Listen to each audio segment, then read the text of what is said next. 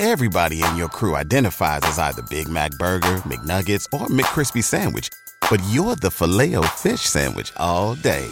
That crispy fish, that savory tartar sauce, that melty cheese, that pillowy bun. Yeah, you get it. Every time. And if you love the filet of fish, right now you can catch two of the classics you love for just $6. Limited time only. Price and participation may vary. Cannot be combined with any other offer. Single item at regular price. Ba da ba ba ba. Hello, everyone. I'm Robert Palmer, and I'm excited to have you on board for the Broken System podcast. This podcast is about bringing to light stories that often stay hidden, stories about real people who have been let down by the justice system that should have helped them. Together, we're going to explore cases that show how the justice system sometimes doesn't treat everyone fairly, especially when factors like substance abuse and social class come into play. These stories reveal a concerning pattern where people don't get the same help as those who have more money and privilege. In our first season, we looked closely at the life and tragic death of DJ Ficky. His case showed how the system's biases can stop the justice from happening. Even though it was a tough fight, we managed to bring some closure when the person responsible for DJ's death was arrested. But that story isn't finished, and we're going to keep you updated on what happens next. These stories mean a lot to me. I've seen how tough things can be, and I've been, I've been amazed by how strong people can be in the face of difficulty. Each episode is a chance to see what it's like when things seem really hard. Through these talks, we want to make things more fair and shine the light on parts of the justice system that needs fixing.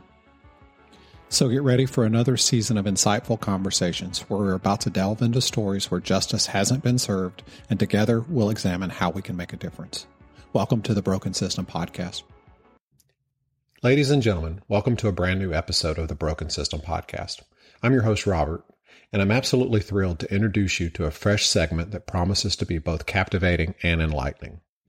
This week, we're launching something special live interviews with extraordinary individuals who are the heart of why we do what we do on this podcast. We're sitting down with a fellow podcasters, true crime advocates, and those whose stories have motivated me to keep pushing the boundaries of our system.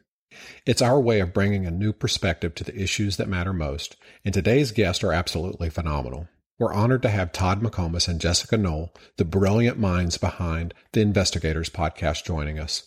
Their dedication to exploring the darkest mysteries of our world is truly awe inspiring. Hello, hello. Officer Neal. And do you the status of the officer? I, I believe you did.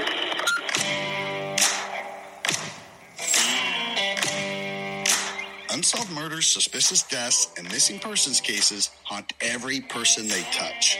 For family and friends, a loved one has been taken from them, and they have no answers as to why. I have lost everything. Everything. For investigators like us, these cases leave a giant burning hole in our gut that can only be filled by finding those answers. I'm Todd McComas.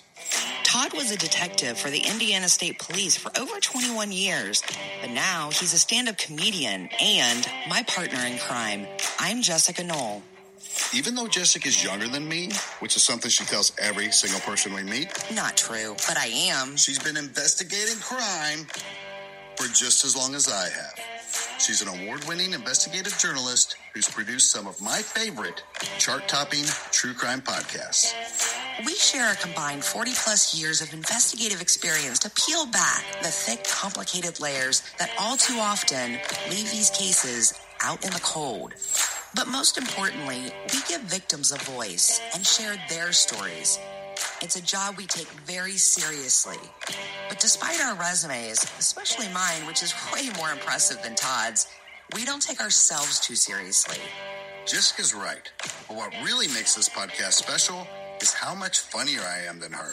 Sure, she's won three Emmys, but let's face it, she didn't win them for writing The Office. I'm a professional stand up comedian. well, too bad they don't hand out Emmys for being humble. Maybe you'd have three. Anyway, The Investigators is a weekly true crime podcast that offers a unique approach to examining unsolved cases. Sure, we're not afraid to poke fun at each other's expense, but we tell a fine line. Because ultimately, these cases involve family members who are relentlessly searching for the truth. Why can't I have this one piece of closure in my life? This is why we do this. Sometimes they're just missing that one thing they need to finally turn the page. Our hope is, with your help, we can discover that missing piece of the puzzle together. But just know, if we do find that missing piece of the puzzle together, we're taking all the credit. No, no, no, we're not Because we're- that. Together, we're going to embark on a journey that uncovers the secret behind some investigations, true crime, and the relentless pursuit of truth. We'll delve into the challenges, the triumphs, and the moments that tug at the heartstrings, all of which fueled their passion for uncovering the hidden stories. This is the Broken System Podcast, where we fearlessly dissect the issues, tackle the tough stuff, and hopefully contribute to the healing of those fractures within our system. I'm your host, Robert, and alongside Todd McComas and Jessica Noll, we're about to dive headfirst into the realm of investigation. Stick around because it's time to pull back the curtain on the next chapter of our journey on the Broken System Podcast. No, Todd. Todd needs his twenty minutes. Todd, Todd, you have some big shoes to fill. I won't need as long, but I'll lead you into why I would argue that our system is completely broken. I was an art kid in high school. All I wanted to do was to go into advertising and make beer commercials. That was my whole goal in life. I was in high school during the heyday of funny beer commercials. It was Bud Light versus Coors Light. Who's going to have the funniest commercial this week? Who's going to get the big one on the Super Bowl? And uh, I applied to go to college for that and I got accepted. And then I decided I needed to become a Marine before I did anything else in life. My dad was a Marine.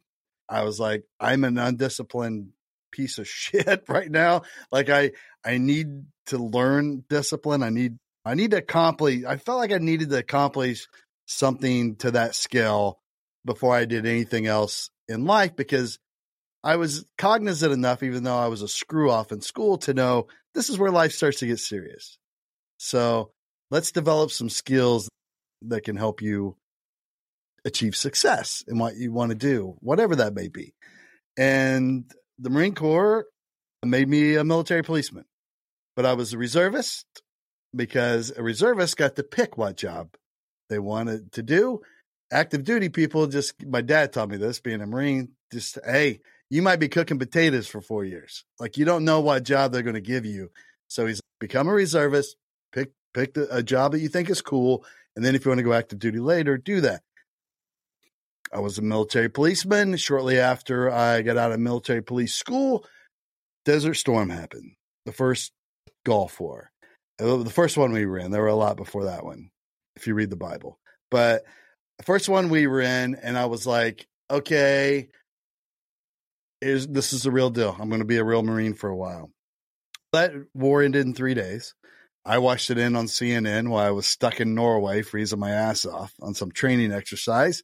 And then everybody that was over there, which was a great part of a great percentage of the Marine Corps fleet, was stuck. They it's so all these Marine Corps bases were depleted. So they activated all the reservists and had you play real Marine on these bases until they could get everybody home. So I was like a base cop for the Marine Corps for seven, eight months.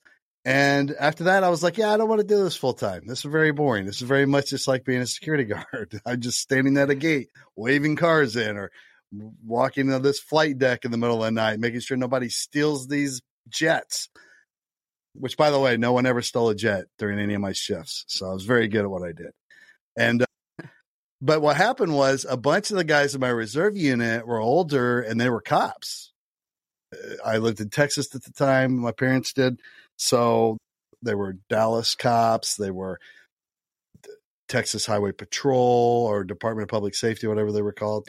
And uh, they had all these cool stories, man, when we were like drinking beers, not at work, and these foot chases and car chases and shootouts and all this stuff. And I'm like, I want to go do that. I'm going to do that job. So I put in for a shit ton of police departments. Finally, when I was about to give up, got on the Indiana State Police. And to make a long story short, I didn't like wearing a uniform. It was a good job, but I saw the detectives and I was like, whoa, whatever they're doing, that's what I want to do. They're different. They always know the big shit that's going on. They're, they're working murders and all this stuff all the time. So I want to do that. And with only two years on, I put in for a job at the biggest district in the state of Indiana, Indianapolis. And older guys made fun of me. you don't get promoted until you got 10 years on, all this stuff. And I was like, hmm, that's good practice. So I put in and I freaking got it. And I was like, holy shit, I only have like two years on. Now I got to go to Indianapolis and be a, a real detective. And it was scary as shit. So I was thrown to the wolves, man. Back then, they did provide a lot of good training, which now they don't do as much of that. But I was a shirt and tie detective for like seven years. And when I got to do everything that was on my bucket list as that kind of detective, murders, I worked, caught some bank robbers. I worked a kidnapping and save, helped save someone that was being held for ransom right before they were going to murder her. Like uh, some cool things. And I was like, all right, I've done it, everything I wanted to do. Let's look for a new challenge.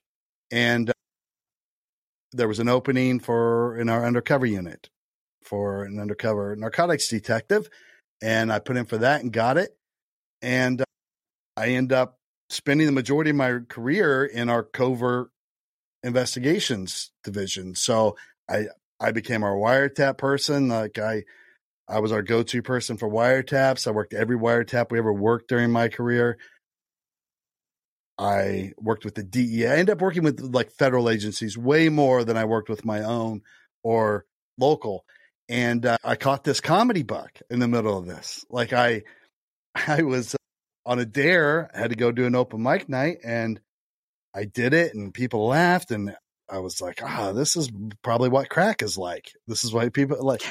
I can't. I feel like I can't stop doing this, and uh, I really worked my ass off the whole time. While I, seven years, while I was still a policeman or a detective, and uh, I got good enough. People started paying me, and I was on the road on the weekends and all this stuff. And finally, a guy that played for the Indianapolis Colts, who was also putting his toes in the comedy pool, I liked my podcast, liked my comedy, and asked me, "He said, okay, Barstool Sports out in New York is going to offer me a contract to start our own affiliate in Indianapolis." All we got to do is podcast. You've been podcasting for years, and do a Sirius XM show, and uh, that we create. You want to quit doing what you're doing, and and I'm going to quit the NFL. You want to quit what you're doing and do this with me? And I was like, fuck yeah, what are you talking about? Like I didn't took like that long. I was like, yep, I'm quitting right now. We were in a shootout like a few months before this, and I'm like running through a parking lot, like I'm trying to get on Comedy Central. I can't be getting shot in some parking lot in the hood. So yeah, let me do that. And uh, we had we I was on a Sirius XM show. I had my own Sirius XM show for for a short while, and uh, I fell in love with being on a microphone. And then I got a kind of a big head for a minute because he was very he got to be very famous. He's super super famous now. His name's Pat McAfee, but even then he was gaining a lot of notoriety and because of that everyone that worked under him who was a personality was gaining some fame and I, I, quit pat let me quit and he's like yeah, no problem if you need to come back you just let me know but go try to do your own thing and uh, i got to do that for two months and i was like oh i'm going to be rich. This is the most money i ever made in my life. I don't know. This it's finally happening. And then god shut the world down for two years. Like the pandemic hit. I was out of work. I spent my entire life savings. But fortunately, what I had done also was I started dipping my toes into this true crime podcast world. Because there was a case that I got to work back in the day called the Burger Chef murders. And it was this notorious, legendary, unsolved quadruple murder uh, that had all these weird circumstances with it and all these weird theories that detectives throughout the years would argue about. And I my buddy worked that case for 20 years as the lead. I knew a lot about it and I helped with it for a minute. So I'm like, I'm going to try to do one of those because I was introduced to true crime through Culpable, Dennis Cooper. I had this huge comedy podcast and I was like, I want to interview somebody that's not a comedian for once or whatever. So I told our booker, find me someone. I was a cop. Find me someone who was a cop It's got an amazing story to tell or whatever. And I remember she came back and she said, Hey, you want to do a true crime podcaster? And I'm like, sure, let's give it a shot. There's one that lives real close to you. Her name's Ashley Flowers. And uh, she's got this podcast called Crime Junkies, and I'm like, screw it, let's put her on. She kept having to reschedule because she would have, have all these. Oh, God, she's got to go do this public appearance somewhere or whatever. And my ego was like, "What the fuck's she doing? My show's huge. She, you're not going to come on Heartland Radio? We got 350,000 listeners."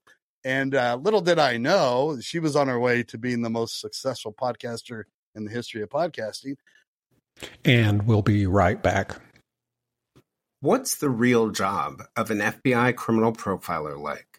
What's it like to make it your life's mission to catch the serial killer who killed your cousin? What's it like to be a lesbian and advocate for LGBTQ rights in the Mormon church, or to lose your husband at a young age and then devote your life to understanding the role of loss and how it impacts people at work? This is the Silver Linings Handbook podcast. I'm Jason Blair. We answer all those questions and more.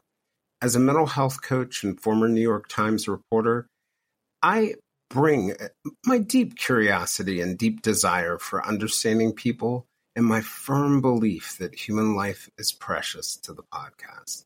Our goal at the Silver Linings Handbook is to take you to interesting places with interesting people in conversations where you feel as if you're sitting in the living room talking with us.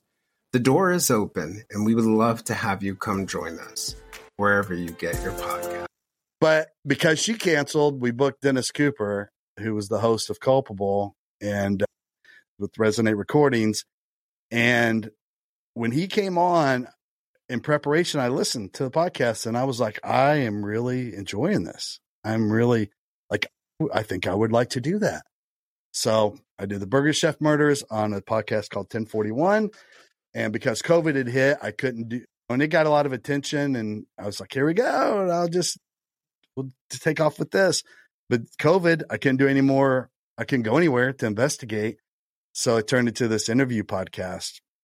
But fortunately, because Dennis Cooper and I hit it off so well and continued to communicate, when they come up with the idea for Undetermined, which was originally going to be Culpable Season 2, he was like, hey, man, can we pull you into this and you work with this investigative journalist we just hired and uh, we'll send you to Louisiana and just see what you guys can dig up. And I was like, fuck, I'm in.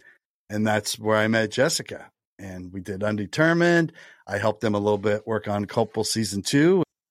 And then we end up coming up with the idea for the investigators. And now we are with ourselves and Burning Mountain Productions. ourselves. So Burn, Burning Mountain is you guys. That's your production company. It's our friends Kind of. spot. They, I have these friends I've known forever that taught.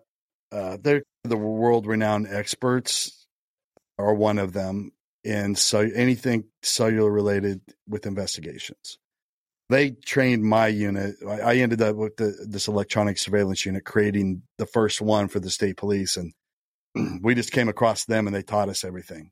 So in the process of that, we just became great friends and they sold that at some point and got a bunch of money. And then they're right about the time that it looked like we were going to have to move on from Resonate, they were like, Hey, we want to take some of this money and start a production company. And I was like, I know somebody we need to pull in. and so we started it and we, we are partners, like equity type partners. As long as we stay for a certain amount of time, we will be rewarded with a piece of the pie. But it's right now, I would say it's their business because it's their money. and we get to do our podcast, Yeah. so it's a win. I think that's the most important thing is Mhm. that it's you. You're able to do your stuff without having to break the bank. Is the word? Mm. Let's take a quick break. Have you ever wondered what's at the root of homelessness? I used to try to describe it to my husband that um, I said, I feel like I'm in this big spider web and I'm stuck in there. And how wraparound approaches at missions aim to make a difference? It's the things like that, the people who communicated that in spite of my rough edges, that they authentically cared about me.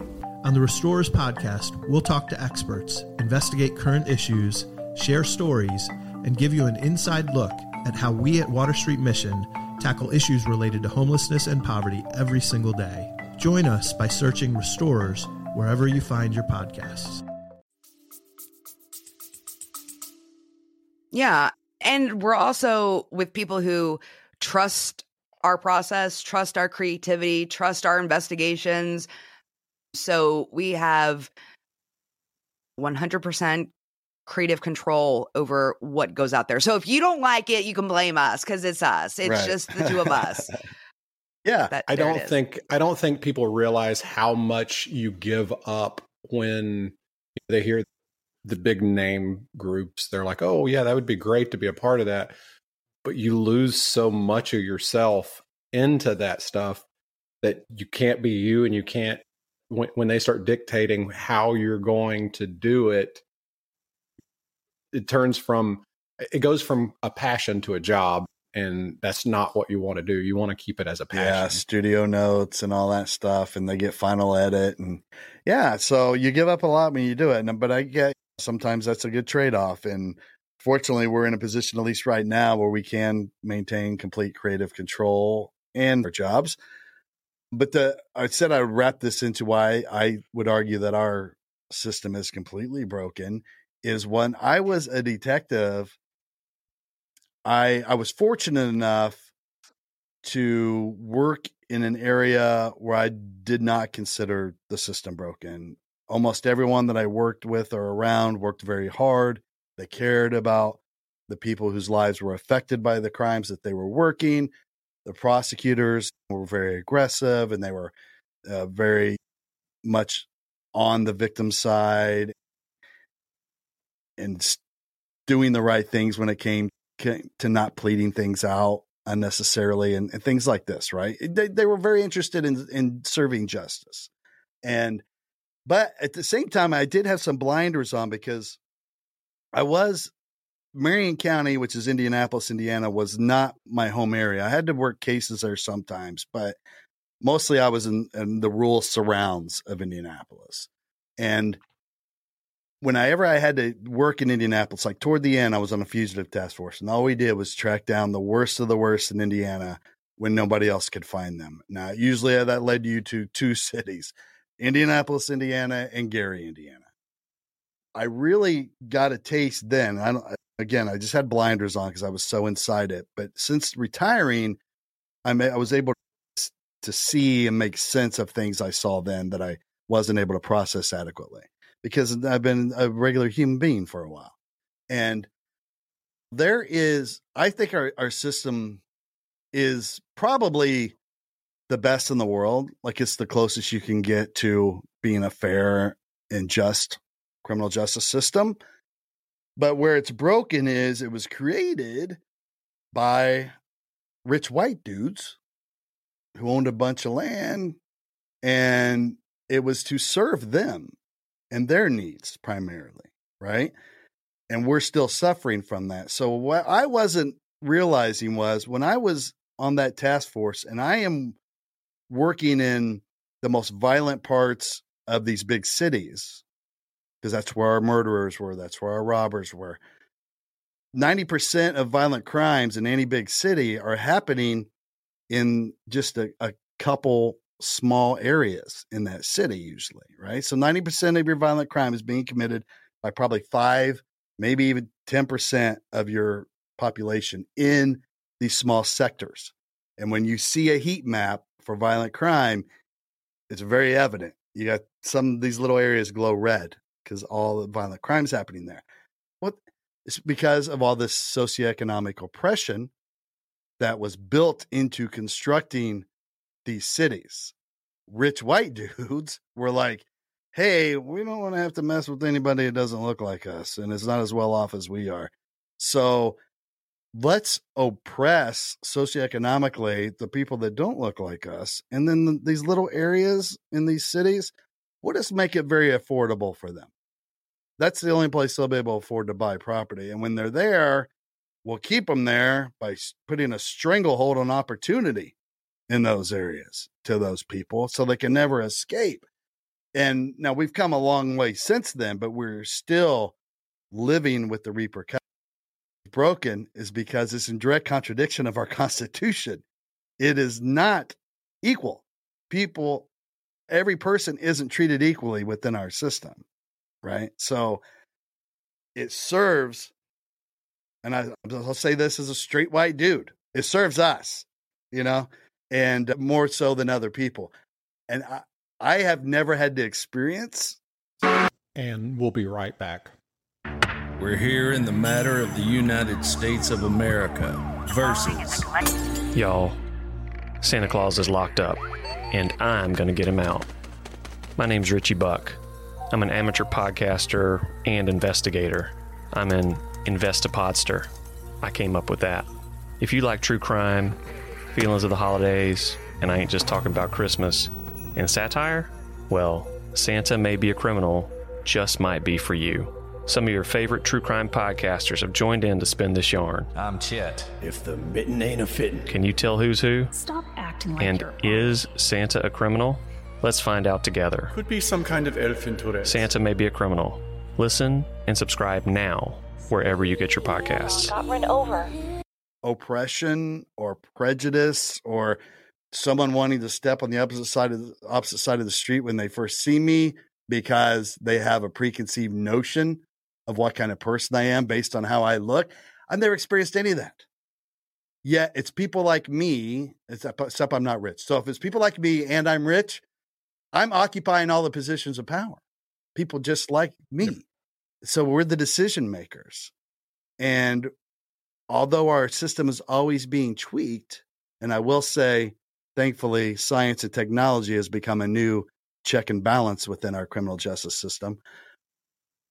But it's being tweaked to satisfy the demographic that is also the demographic of the people that hold these positions of power, who doesn't look like the daughter or sister of the people in power, what that media reaction is like. And that happens because they know those stories get the clicks, they get the views, because that creates a visceral reaction with the people in power because they do look like their daughter, they do look like their sister. And that's organic. They know it's going to happen organically, this public outcry. And public outcry drives clicks and views, but it also drives police efforts. Police are so overwhelmed. De- Every detective has way more cases than they can handle. So, administrators within police and investigators within police focus their efforts where the outcry is the loudest. So, we and people that are advocates for victims and victims' families, it's so important that role because we have to manufacture that public outcry. It will never happen organically. We've got to bring attention to it. We've got to get everyone else in our network on board with doing the same until eventually a larger network that has way more reach realizes that it needs attention and jumps in to help. And then before you know it, the same outcry for that pretty white girl that went missing is happening for this person that doesn't look like that. And then it gets police attention. Then it gets media attention. And uh, that's why I think like podcasts like yours are so important. And I love that you're exploiting this broken system concept because we shouldn't have to do that. Okay. There shouldn't have to be advocacy groups. Every person on the planet should be an advocate. Like, why are there organizations literally in the name it says advocate or advocacy? That shouldn't have to exist. The system should be the advocate for the people. They're supposed Yeah, to but be. that's just not simply just not the way it is. when a missing i'm going to try to say this the best way when a missing white girl goes missing and they find four other people that were missing while they were searching for this one person that to me says that's such a flaw because they could have easily have found these four other people just by putting that much effort and ability into searching for them so that to me is just it's so frustrating when I hear that. Oh, they found this missing person while they were looking for this other missing person. It's like, why didn't you look so hard for this other person? Yeah. And it just it goes back to socioeconomics, drugs. Don't be a don't be a white guy that that does drugs that's in his you know 30s or 40s. You're they're not even you're not even a blip on the radar. It's like we no one understands the big picture, and and cops certainly don't for the most part because you're just in it and you don't know. It's like a kid that grows up in a, a broken, horrible situation at home. They don't know there's an alternative. That's just life. And it, so the oh, I won't even go to the divide with with cops and the public right now, but it all stems from the way things were originally constructed and the fact that no decision makers or people that hold positions of power are willing to take responsibility for that and stop passing the buck on smaller groups on either side is fuck mind blowing to me. Like it's there's no denying it. It's like a recorded history, and we all suffer from it today. There is an example of we talked about when a white girl goes missing or whatever how the world just stops spinning on its axis. It's like, everybody stop. We got to find this girl. And we're 12, 15, 20 transgender, gay, black, Hispanic, whatever person goes, all that many people go missing. We don't even hear about it until mm-hmm. someone like you or some advocacy group works their ass off to to get it some attention and then hopefully some celebrity or somebody will jump on board or whatever happens in those cases. But I don't think you ever are going to see that. We're never going to see real change or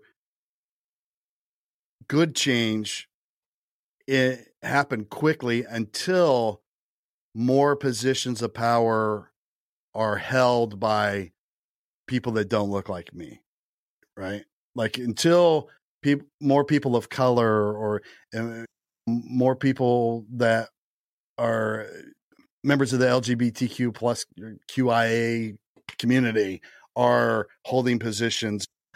It then you'll see change because those people feel they have felt throughout their entire lives this prejudgment and this oppression and being treated unfairly uh, compared to people like me that that member of the DuPont family, I don't remember his name, but one of the heirs mm-hmm. admitted to he's the heir to a $14 billion company. And he admitted to molesting his three year old daughter repeatedly over an, her entire life. And he got eight years to do four. And we'll be right back.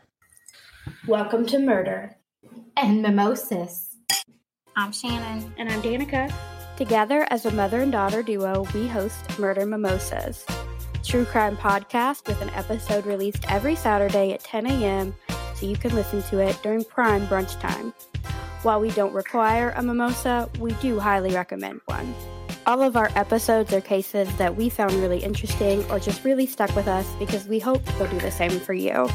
You can listen to us on Spotify, Apple Podcast, or wherever you listen to your podcasts.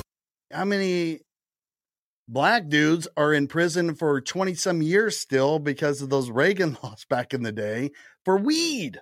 Like it's yep. so incredibly unfair.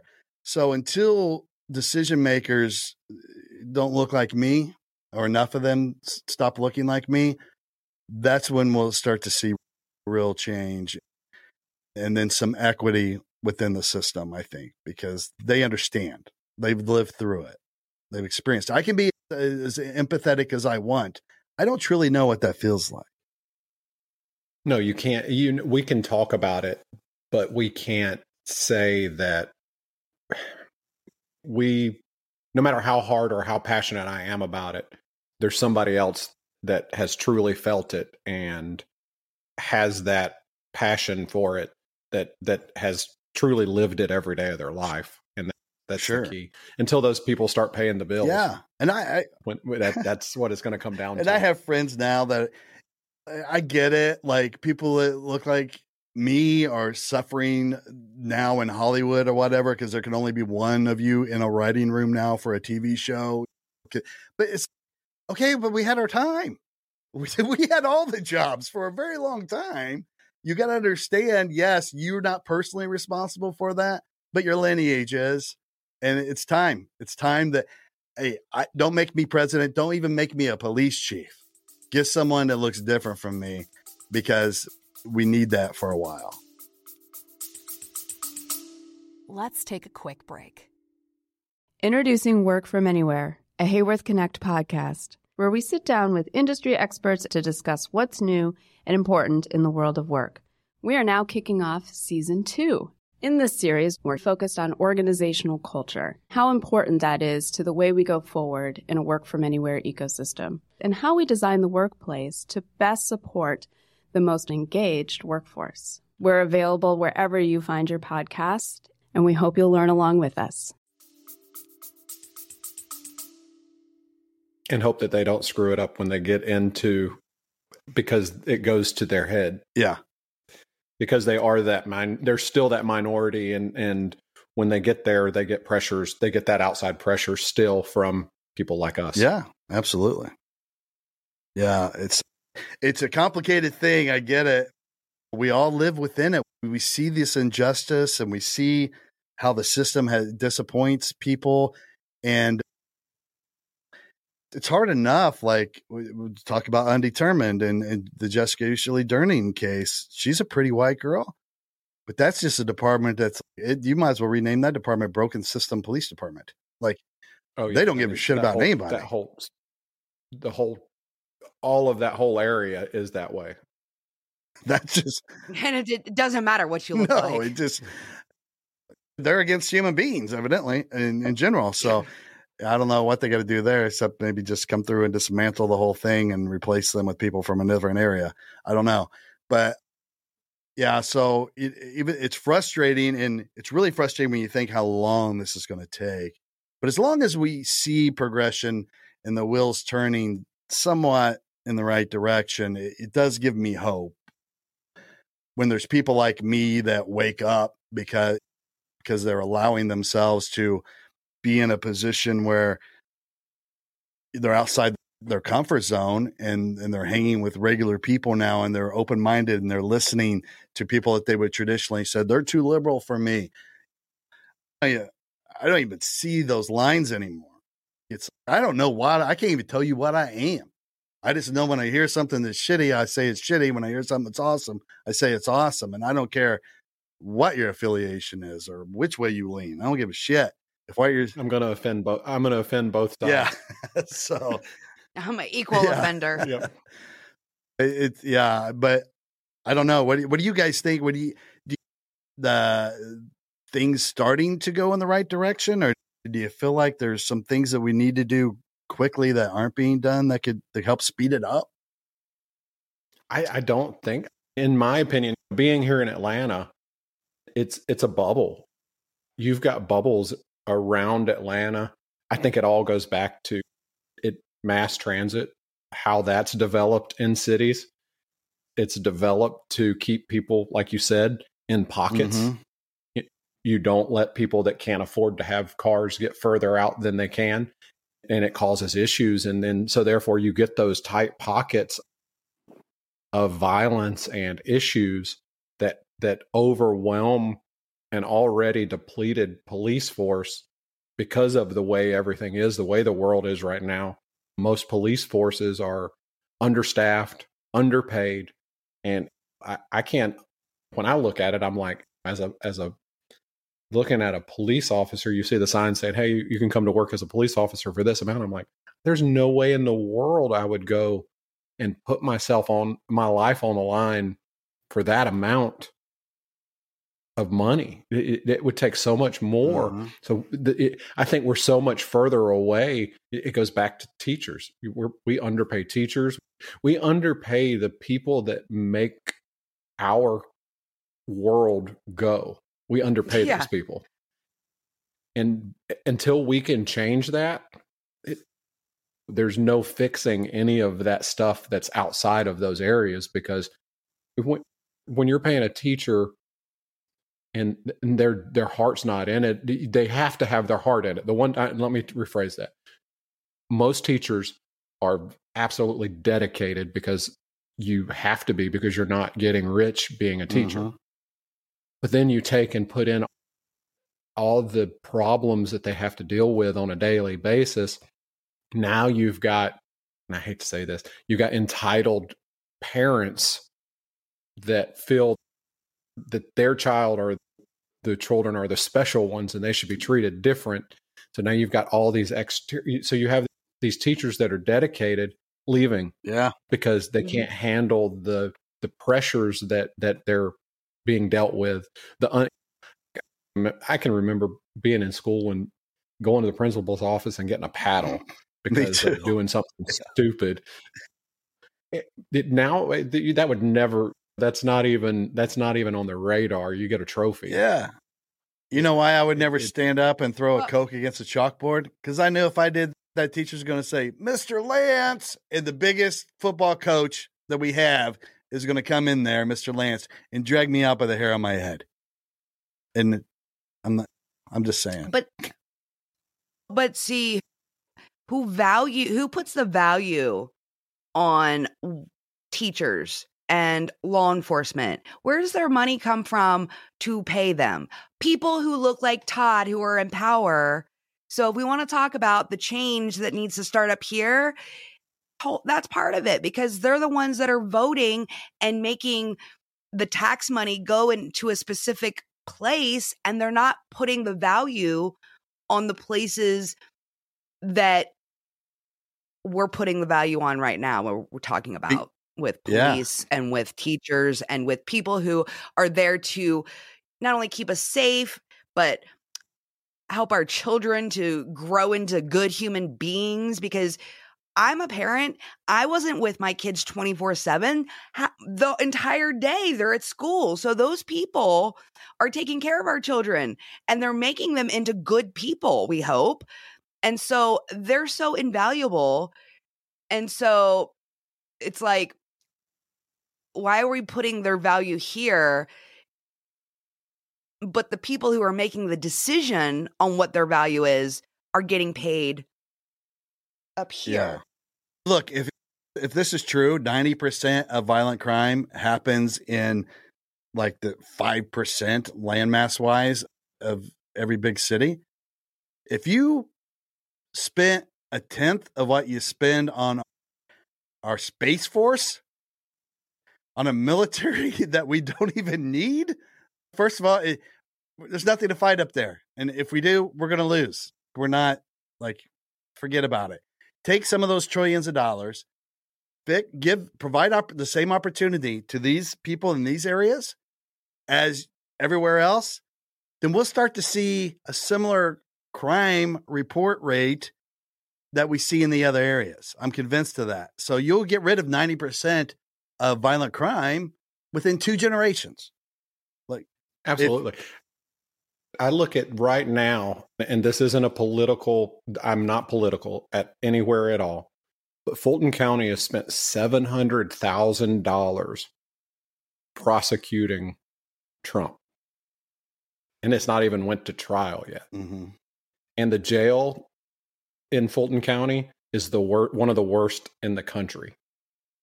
The law enforcement is some of the most underpaid people. The just the every the education the schools they shut a school down because it failed health violations because insulation was falling mm. they fired the district superintendent because she kept overlooking the the repair issues because of budgetary constraints. But they're spending $700,000 to do whatever they're doing and i'm like where's that money coming from it's not like they earmarked this money and said, "Oh, we're going to have a trial at some point in time that's going to cost seven hundred thousand dollars," and it's not even went to trial. I know. This no, is they got to take the- that money from other things. Yeah. exactly, and it's coming from teachers. It's coming. the first thing that gets law enforcement. It's co- it's coming from everything that the the city needs. When that is so, to me that that's where I say it's completely broken because we we the money that needs to be spent where it needs to be spent isn't being spent in the proper It is. And it goes back to day one. And it's still so apparent. It blows my mind that we never hear any of our decision makers discussing this or taking accountability for the decision makers before them. Literally, and I try to explain it sometimes this way. When you talk about all the bad shit that happens with cops, and now we, because of in podcasting, and we're well aware, we have seen our fair share of bad cops, lazy cops, all these things. But the majority of cops are trying to do the right thing for the right reasons, the vast majority. But what people won't take responsibility for is that at one point, the people that made all the decisions said, We're going to make the shittiest tasting stew anyone's ever made. We're going to expect these people over here to eat that shitty ass stew and go, Yum, yum. That stew's freaking delicious. And by the way, we just stranglehold your area where it's nearly impossible for you to get salt or pepper or sugar, anything that helps enhance the taste of something that's shitty. But everybody else around you, no problem, they can get to it. And then we're going to expect that those people aren't going to, they're human beings. They're going to adapt. They're going to try to achieve. They're going to try to make their stew taste better. They're going to start making their own salt. And then our yep. government says, oh, you're making your own salt? Your salt's illegal now. So here, 25, 27 year old policeman, it looks no, nothing like the people that live in that area. You go in there and start arresting the shit out of people for making their own salt. And those people are like, wait, you don't understand. You have salt, you have sugar, your stew tastes good. Digest it. And then they're going to expect that there isn't going to be stomach cramps and diarrhea and people vomiting and getting these awful effects from this shitty ass stew that's just made with rotten ingredients.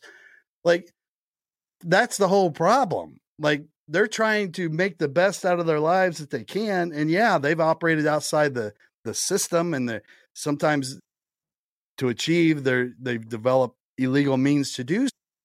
And then you're having people that have no concept of why that happened go in there as 25 to 29 year old young men and women and saying, raise hell on these people. They're lawbreakers with no concept at all of how things got that way. And they're scared shitless. And bad things happen when cops are scared shitless. And, and that's uh, legitimately why we see a lot of the things that, that go viral when cops do something terribly wrong and they overreact and they uh, are too heavy handed or they fucking shoot somebody they shouldn't have 99% of the time it's because they are scared out of their minds and they're inadequately trained and they weren't prepared for the situation they were put in. And they're operating they from a position a, of were, bias. Yep. And they had no reason to be in the position they were in doing the thing that they were doing to try to fix a problem. Right. And, they, and then the same thing with the courts. In those areas, it's fast food court. Police, police work is done way, way differently in, in those parts of the city because it's fast food. They, they at some point, cops quickly realized, hey, uh, these people can't afford a proper defense, so they're going to be represented by some 27 year old attorney right out of law school who's way overwhelmed with a caseload, and they're appointed by the court, and they're they're going to chomp at every opportunity to plead this thing out as quickly as possible. So they stopped building good cases, strong cases and then they just started handling things in a lazy fashion and the police work is it's like a whole different operation in these parts of these cities compared to the rest of that state where good police work is being done and and, and prosecutors are insisting that you build good cases and all these things like it's just a different world it's almost like two different countries and that's why we have the divide that we do Yep, and I was told somebody. I, I, was. I think it was uh, when I was in Austin for the True Crime and Paranormal Festival. I was talking to a, an attorney, and she said that in the world of wrongful convictions today, it, it's a very small number. She said, but if you look at non-felony convictions, there are more wrongful non-felony convictions that cause more issues than the felony wrongful convictions because you have a system like in a downtown area that's highly wrought with crime. They're coming through this just almost cattle. And it's easier for them to say, I'm guilty of this, even though they didn't do it. It's easier for them to say, I'm guilty. It's a misdemeanor, six months probation. Then they get five, six, seven of yes. these. And then all of a sudden, now that they do something that's on the bad side that is a felony, they go back and look, you've got five convictions for misdemeanor that's led to this. But four of them they didn't do, that they just pled out because they couldn't afford an attorney. They, they weren't going to win when it went to court. So it was just easier to make it go away. Yeah. And they never get out of the system. I mean, They and that's the way it's, the it's designed for that. And it's, it's going to take a lot of undoing, a, a lot of course correction to, to reverse that. And my only hope is that as the older generation gets too old to hold those spots and we continually replace with younger people and younger people that don't look like me that real change happens and hopefully three generations from now they look back at our the way our world is and they're like oh wow i hope they look at us three generations from now the way we view how our country was three generations before us hmm. because it's horrible. It's and a I horror show for minorities three decades or three generations Yes, ago. absolutely. So I'm hoping that three generations ahead of us, they're like, oh, these were cave people. They look how Mm-hmm. horrible they were, and that it's improved that much. and I think we're I think we're getting there because you're getting to that that I hate to say it life cycle point that that middle ground people our age it, it's you've got this old group of old white men and white women that are in politics that are going away slowly but surely and this new younger crowd coming through so I I think it's coming. I don't know that I'll be that old guy probably before before we see it to be a true change. Mm-hmm. So it's a broken system, but there's hope, right? There's hope. There is hope. There's always hope. That's the thing.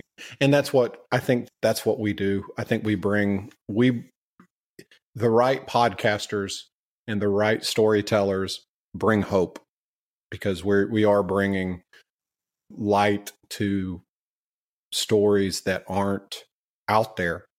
I I would say out of you guys, what you'll have six or seven up six. Was this your sixth episode this Eight. week? Mhm. Eight. Okay, so out of eight episodes that you guys have released, I would say I I didn't know six of the stories, and I'm I I would say uh, out of a lot of people, I listen to a ton of true crime, and I didn't. I would say I didn't know six of the stories that you guys have brought to me, and and I've learned about. Good, because I have to rely on Jessica for that. She's way more in touch with the, the true crime community than I am. I'm, I'm trying to catch up. She's just been in it for a long time, and she's so connected, and she's with Dateline and all this stuff. So I, I literally, I'm, I'm a slouch when it comes to keeping up on what cases have been getting properly covered on podcasts. And the thing is, is I just stay connected with a lot of families too. And we talked a little bit a minute ago about the the media and the pretty white girl syndrome.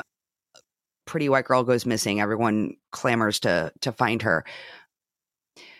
And I was going to jump in there because I wanted to say when I was in mainstream media, really the only way that I was finding out about an unsolved case or a missing girl or someone who didn't look like me was because their family reached out to me. And it wasn't because police were sending me a press release. Typically, press releases were coming from police from what you're Mhm. saying. And so it was the family who was boots on the ground. It was the family that was calling me. And so I was covering the stories that a lot of people were not covering simply because I wasn't reading it from a press release that I got from a police station. I'm listening to a crying and grieving mother on the phone asking me for her asking me for help. So the fact that someone wasn't helping her, and I'm not going to say where and who and how no one was helping her, but clearly no one was. And so I've just kept that as part of why I'm doing what I do also, because I don't care what the person looks like. I don't even care what their lifestyle was.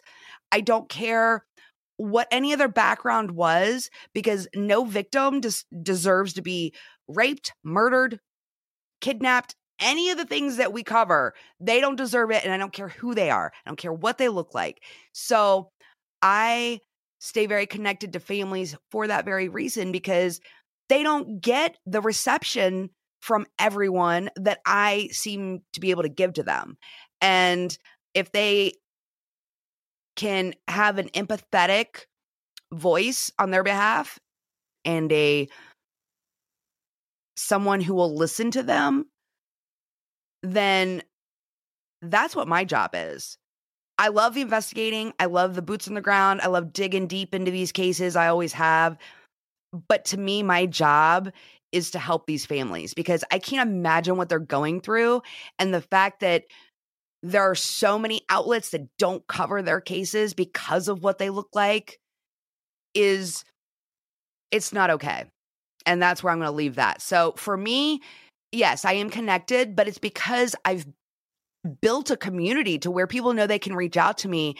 And even if I can't help them for whatever reason, I will put them in touch with other people or I will do whatever I can and I will always respond. So anyone who's listening who wants us to talk, look at their case or they want help in some way, I will respond to you. It may not be for an episode if it's something that we can't cover, but I'll put you in touch with someone because that's it's not even a job, it's my calling. This is what we Right. do.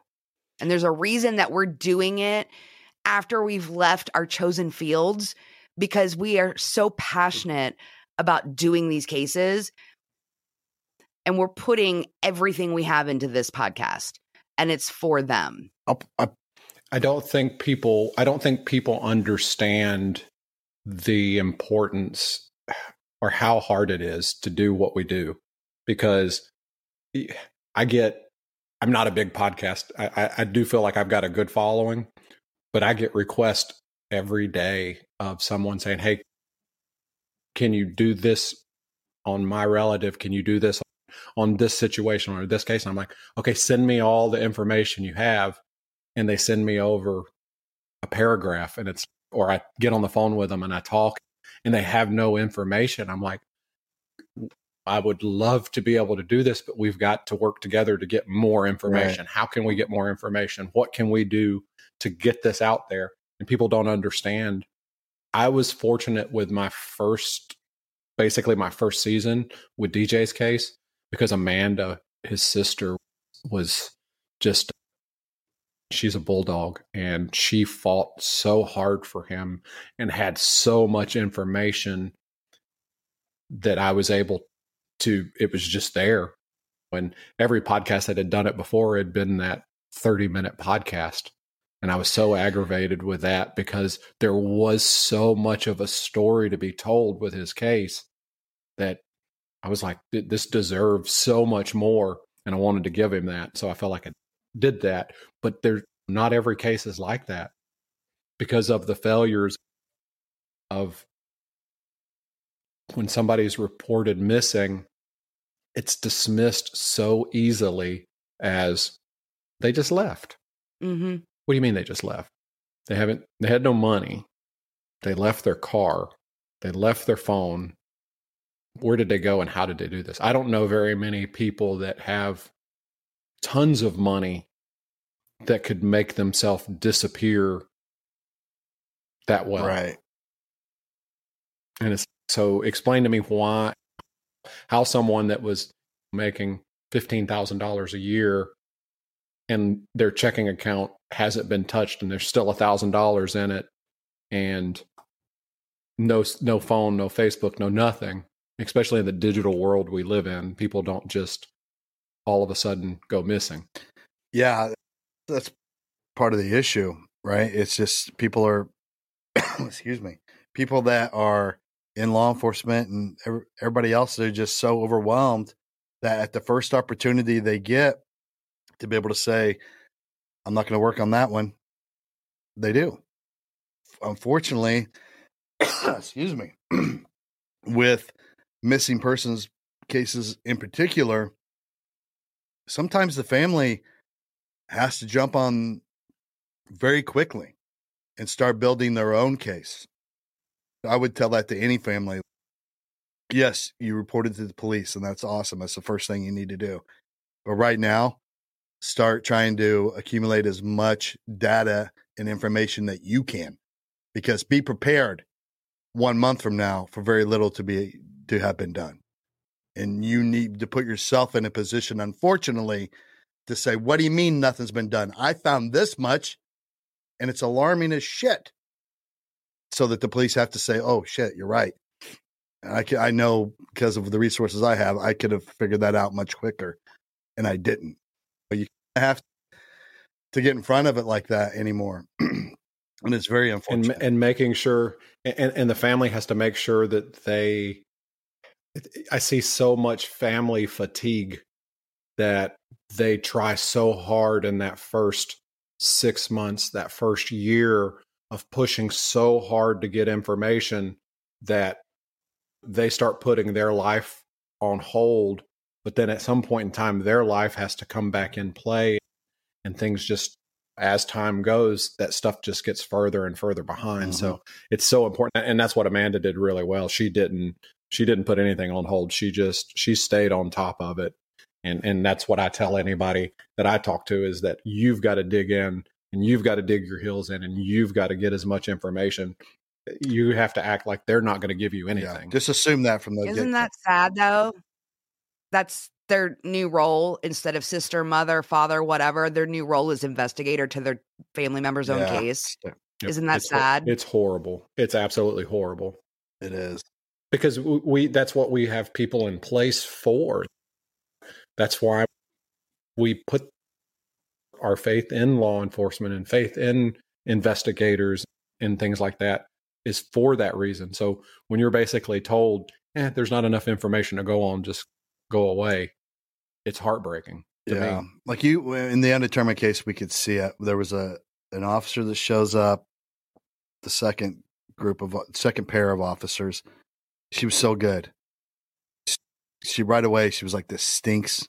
This guy's not acting right. Things he's saying aren't adding up.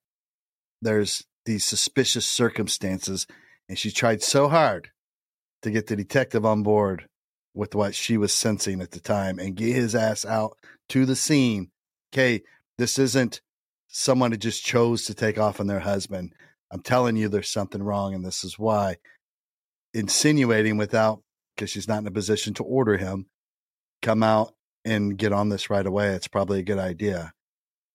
If he just would have had the same gumption that she had, just fucking do your job. If he just would have done his job, that's what he's getting paid. What he's getting paid to do, and he would have came out right away. Convinced they would have found her in a matter of hours, mm-hmm. and it'd been a whole different. yeah, because she was two blocks from her home.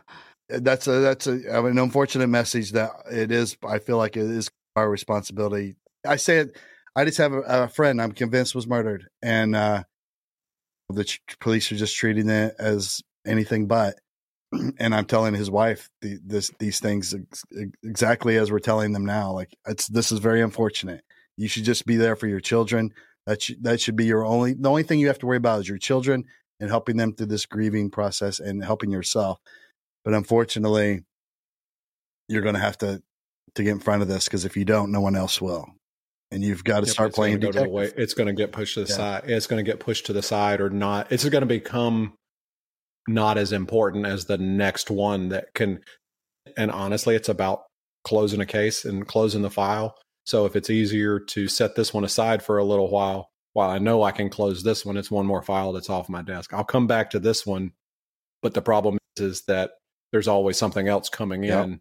So that one just gets farther and further away. It's why we open the investigators with we hope you had a crime free week, but if you did not, we hope that everyone is okay and that you have the right investigator on the case. Because I, I started opening shows that way. My my prosecutor buddy called me and said, That's those are the truest words I've ever heard. Getting the right investigator makes all the difference in a case. It changes lives. Like you get the wrong one, he's and we all know the wrong ones, then that family's fucked and it's so unfortunate like that you're actually entering a game that you don't know you're in of just a, it's craps it's a roll of a dice It's a Russian roulette. It's a Russian roulette. you might get a seven and you're fucked or you might hit your number and you're going to be well taken care of. Like you, you don't know. It's so bizarre to me that be, families and victims and everybody else are put in these positions, but it's an unfortunate reality. And I guess that's why we're here to help educate on that. Absolutely. And so I, I know we've been on forever. So I appreciate that very much because I enjoy talking to you guys. Just same since CrimeCon. I, I've enjoyed listening to you guys prior to CrimeCon and then just hanging out with you guys. Uh, Todd's probably the first podcaster I shared sushi with. So sushi in a seat. Yeah, Sushi that's right. We, we'll I had nowhere that. to sit down. We had to, yeah, we're nowhere to sit, so we're sitting in the same chair. You missed that, Jessica. I did. Where was the was- sushi? you- How did you- I miss the sushi? You were getting. You were at that point getting your. award. yeah, you were winning a major when we were- award. You wouldn't Oh. let Todd. Well, you coulda wouldn't- sushi, You wouldn't all. let Todd come in with you, is what I was told. He said you said. He said. Lies. Real illustration of our relationship. She was there winning a major award, and I'm splitting a chair with another dude eating sushi in some lounge bar. in a lounge bar. That's so crazy. But I appreciate you guys coming on. I I appreciate you guys as fellow podcasters, as fellow human beings, because you are amazing to me. It you guys are what I strive to be when I do my podcast every week. So I appreciate that. We appreciate Um, you, brother. You've been at it for a minute. So God love you. You're doing the Lord's work. I appreciate that. Thank you. As that, do you guys have anything you want to close out with for the night? And it's a tough one. I put that one on you. I will say this. Yeah, obviously, if you're listening to this right now, you are a consumer of true crime.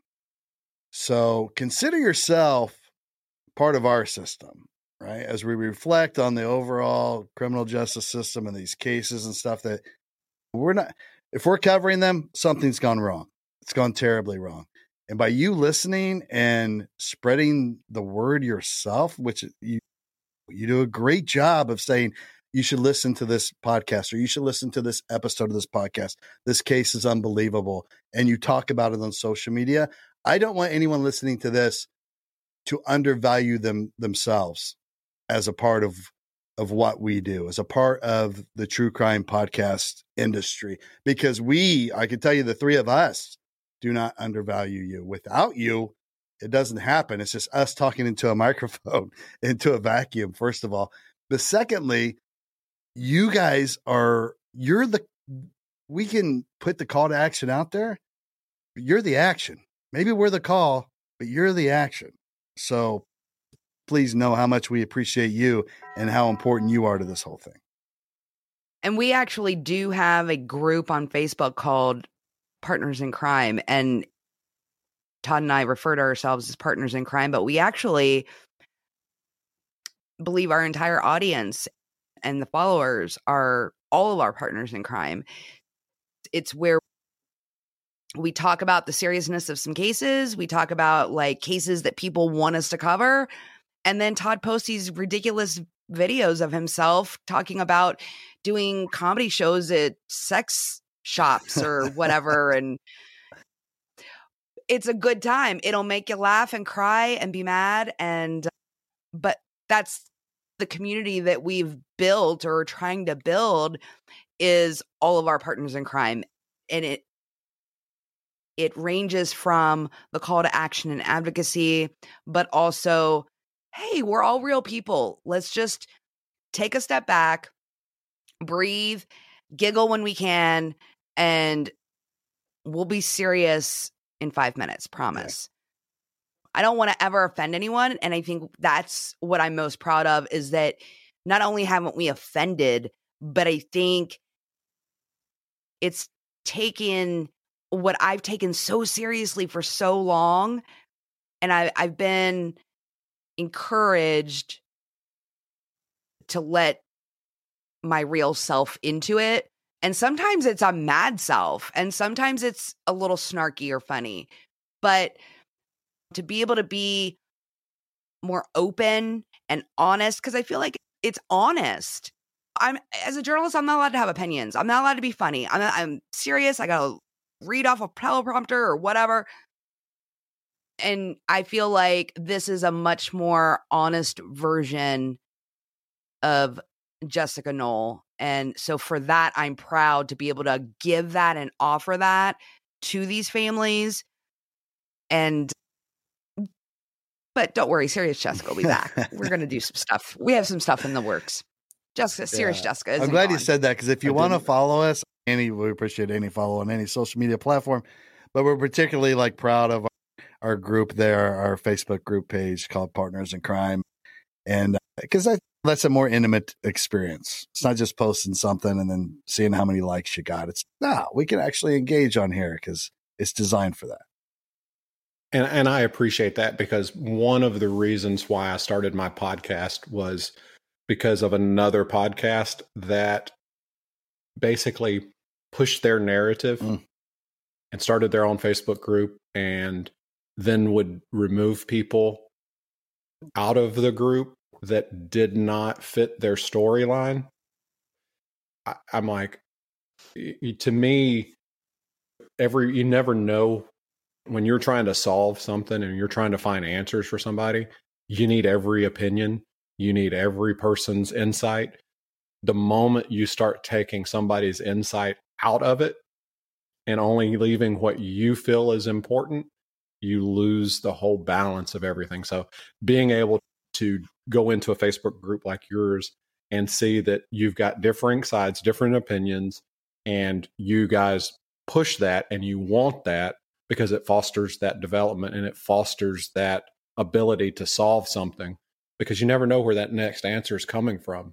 You never know that one person you might think is the craziest person in the world gives you the answer that you're looking for or sends you down the path for the answer you're looking for. Yes. So that to me is so much it's so important and that's my takeaway and my push for the evening is that if you're listening to a podcast that pushes a narrative that doesn't ask for opinions, make sure you're listening for the right reason, not for it's not entertainment, it's somebody's life. Yes, and we'll allow anything in there mm-hmm. except for whoever keeps posting fake news stories about Mike Tyson being dead and the person who just posted that video of the Serbian woman having sex on a poker table. That stuff's not Yeah, allowed. there- some you. things there there's yeah, there's some things that aren't that shouldn't be in in certain things and people are I'm sure they're bots, And- but and still. what I'm calling It's like, how's that happen? Yes. Okay. It it happens. I I think I, I saw somebody somebody that I know is legitimate is trying to build their social media presence. All of a sudden I get a friend request that I'm they're the only other friend that I'm friends with. And I'm like, this person's not real, but they're trying to build their presence so they don't realize they're just accepting everybody. and you don't realize. And it's hard to do when you're running a group because you get you know, Yeah. every time everything. you guys have it every episode you get you probably get so many people that join and it's okay are these people real nah, i just got to hit the button Yeah. and weed them out after the fact yeah so. We'll get rid of them all. but thank you guys. Thank you guys so much for taking time out of your wednesday evening. I know you guys are busy. I appreciate you taking time to come on. I enjoy you guys' friendship. From the moment we met at crimecon i knew that we were in in this same thing same reasonings. And because i've listened to everything you guys have done i appreciate that. So Back at you, buddy. Well, we appreciate uh, it. Thank you. We yeah, we appreciate and respect everything that you're doing and if there's anything we can do for you, let us know. awesome thank you guys I very will- much oh go I ahead will say I was going to ask you when do you know when this is going to air cuz I can say something about an upcoming series. i'm if I know when this is going to gonna do air. it monday so i don't Um, know if y'all unless y'all are ready to do it Oh yeah, this, these two this two parter is going to come out in a couple of weeks, so I can say ahead of time. I'd like to give a little shout out to it. absolutely for sure So you want to set me up, or do you want me to start spieling about now it? you put me now you put me on the spot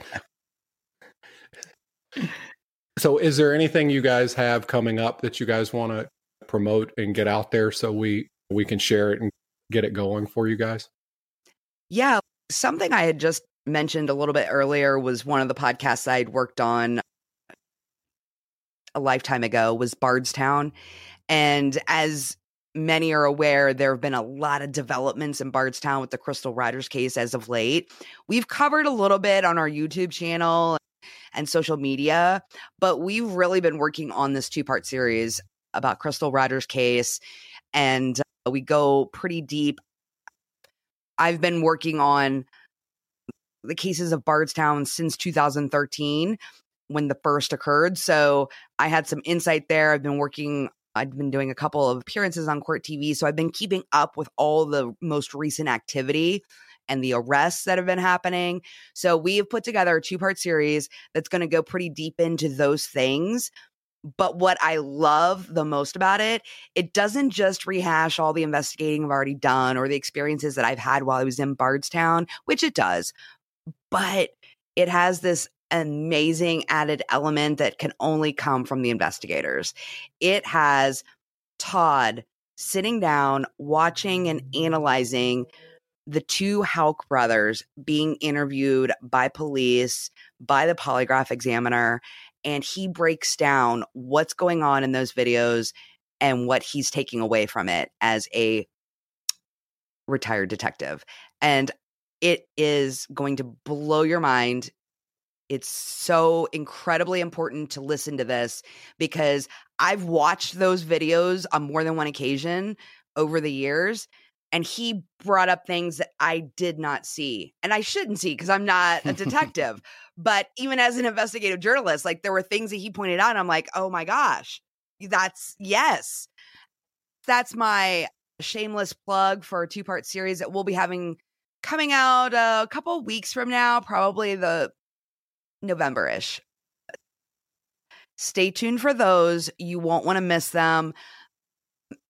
And they're happening in real time. So we may have to update the second episode or do a third part to it, but we're going to stay on everything coming out of Bardstown. So make sure you check out our YouTube and our podcast because it'll be somewhere. We're going to keep on it.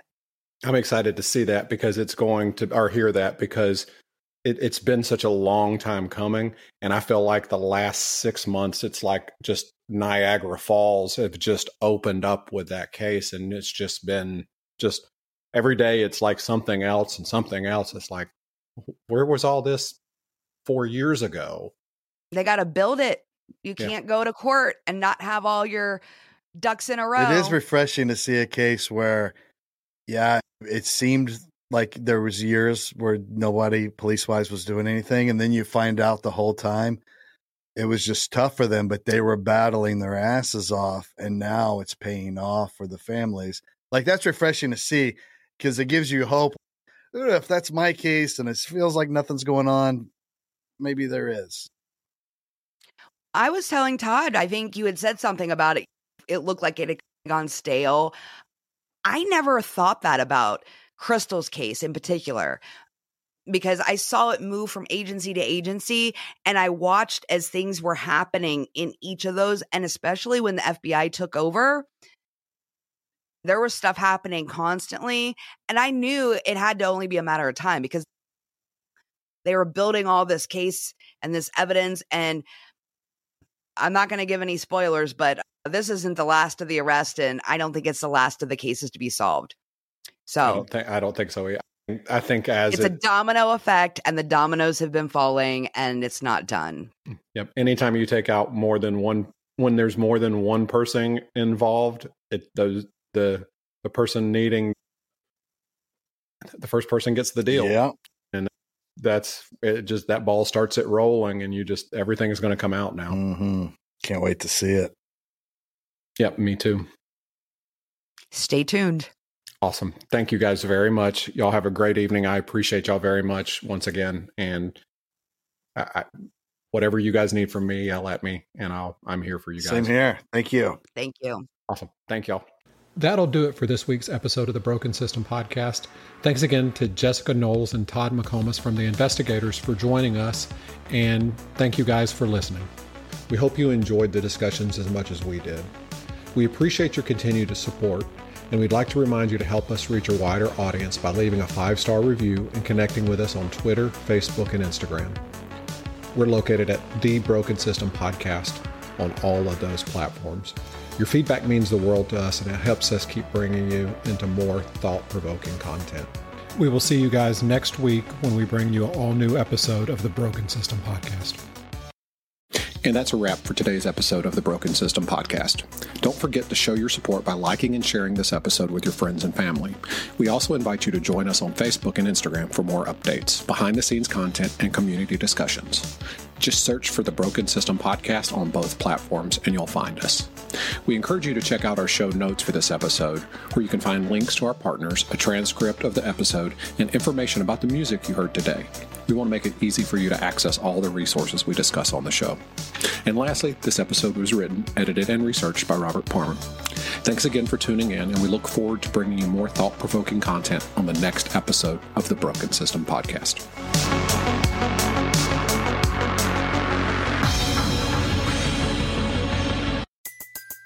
Everybody in your crew identifies as either Big Mac Burger, McNuggets, or McCrispy Sandwich. But you're the filet fish Sandwich all day. That crispy fish, that savory tartar sauce, that melty cheese, that pillowy bun. Yeah, you get it. Every time. And if you love the filet of fish, right now you can catch two of the classics you love for just $6. Limited time only. Price and participation may vary. Cannot be combined with any other offer. Single item at regular price. Ba da ba ba ba.